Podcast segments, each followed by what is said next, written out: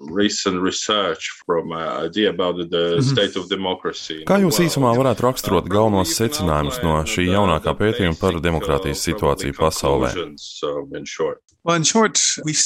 Over the past years that there's been a growth in authoritarianism. So more and more Pirmkārt, mēs pēdējo gadu laikā esam novērojuši autoritārisma pieaugumu. Vēl aptuveni pirms pieciem gadiem to valstu skaits, kuras kļūst par demokrātijām, vienmēr bija augstāks par tām valstīm, kuras kļūst autokrātiskākas. Pēdējo piecu gadu laikā šī pozitīvā tendence ir pagriezusies pilnīgi pretējā virzienā. Pēdējā gada vai pusotra gada laikā Covid-19 šo tendenci ir tikai pastiprinājis. Mēs redzam, ka tās valstis, kurām jau bija grūtības, vājas demokrātijas vai hibrīda režīmi, ir piedzīvojušas vēl lielāku lejupslīdi. Un tas ir noticis visā pasaulē, arī lielākajās demokrātijās. Mēs redzam problēmas ASV, Brazīlijā un Indijā, un arī Eiropā. Un tās nav tikai tās valstis, kas parasti kritizētas - Baltkrievija, Azerbaidžāna, Krievija.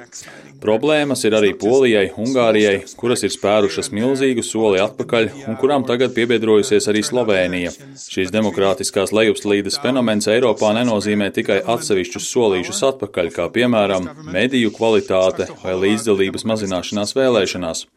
Tas ir process no pašas augšas, kad pie varas nonākoša, bieži vien populistiska valdība sāk brucināt demokrātiskas struktūras no iekšienes. Tas parasti notiek pārņemot medijus, apklusinot pilsonisko sabiedrību, pārņemot tieslietu sistēmu, lai nodrošinātu sev uzvaru nākamajās vēlēšanās un nostiprinot varu līdz tādam līmenim, kad atgriešanās ceļa vairs nav. To the point where there's almost a point of no return. So that in a nutshell. Yep. If we speak about this trend, do you have uh, some Runājot par šīm tendencēm, vai jūs esat pētījuši, kas tieši ir veicinājis šo procesu attīstīšanos minētajā virzienā? this this process to evolve in this direction?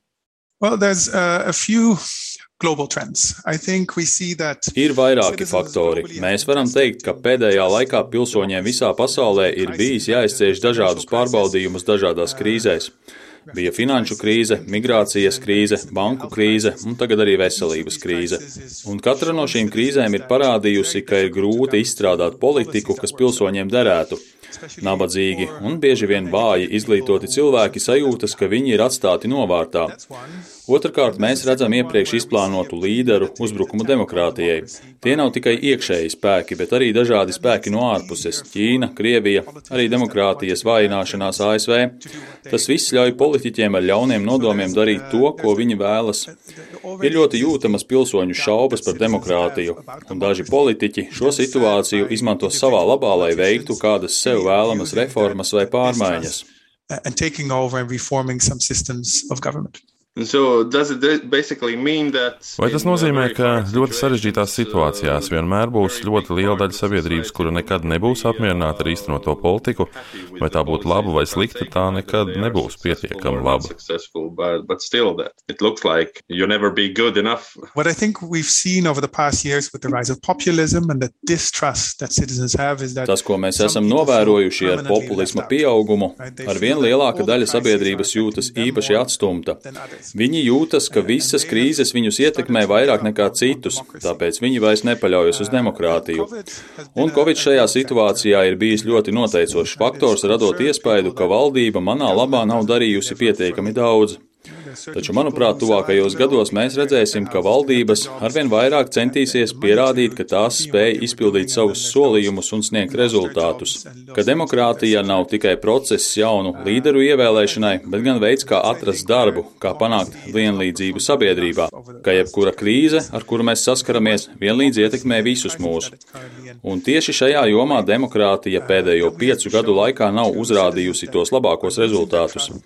Ja mēs vēlamies, lai šī demokrātiskā krīze pazustu, mums ir jāparāda pilsoņiem, ka uzticības zaudēšana nenozīmē tikai darba vietas vai pakalpojumu zaudēšanu.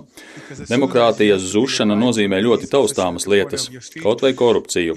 Demokrātijai ir jāspēj nodemonstrēt, ka tā ir domāta pilnīgi visiem pilsoņiem, un runa nav tikai par jaunu līderu izraudzīšanos ik pēc četriem gadiem. And not just for selecting leaders every once in four years. Jūsu pētījumā arī secināts, ka pagājušajā gadā pasaule ir zaudējusi pāris demokrātijas, un arī šis gads varētu nebūt izņēmums. Taču šādās krīzēs ļoti lielu smagumu uz saviem pleciem iznes arī dažādas sabiedriskās organizācijas, kas bieži vien norāda uz dažādām problēmām, izceļ tās dienas gaismā un par tām runā. Mēs redzam, ir protesti pret covid, ir protesti, kas saistīti ar klimata pārmaiņām, un nereti arī šādas balsis tiek apspiestas. Kā jūs vērtētu aktīvistu lomu un situāciju pasaulē? How is this uh, going on in the world right now? Very good question. In spite of all the pessimism about democracy, we are seeing a, a resurge of civic activism. Tas ir ļoti labs jautājums. Taču par spīti visam pesimismam par demokrātijas stāvokli, mēs tomēr redzam politiskās aktivitātes atzimšanu. Dažādu protestu formātas pēdējā laikā ir izpaudies daudzās pasaules valstīs, turklāt lielākos apmēros nekā mēs esam pieraduši redzēt. Mēs varam runāt par protestiem arī ļoti autoritārās valstīs, kaut vai Baltkrievijā, kur protesti pirmo reizi daudzu gadu laikā ir atsākuši demokrātiskās debates, kuru atdzīvināšanu daudzi pat nevarēja iedomāties. Protams, šie protesti ir ļoti atšķirīgi. Dažviet tie ir vērsti pret valdības ierobežojumiem Covid apturēšanai, citur pret klimata pārmaiņām. Šeit ir nepieciešams stingri nodalīt dažādās protestu formas, taču kas ir svarīgi? Demokrātija joprojām ir ļoti svarīga vienkāršajiem pilsoņiem. Cilvēkiem var nepatikt demokrātiski līderi, viņi var nepiekrist dažādiem noteikumiem, viņiem var nepatikt, viņiem nepatīk parlamenti un politiskās partijas, taču viņiem ir šī iespēja paust savu viedokli sabiedriskās politikas veidošanā. Šāds pilsoniskās aktivitātes pacēlums ir ļoti laba zīme un apliecinājums, ka mums nevajag neusticības un kritikas dēļ atteikties no demokrātijas. Mums tā ir jāuzlabo un jāpadara labāka, lai tā pilsoņiem sniegtu vēl konkrētākus labumus. But we should improve it. We should make it better we should make it deliver to those citizens more concretely.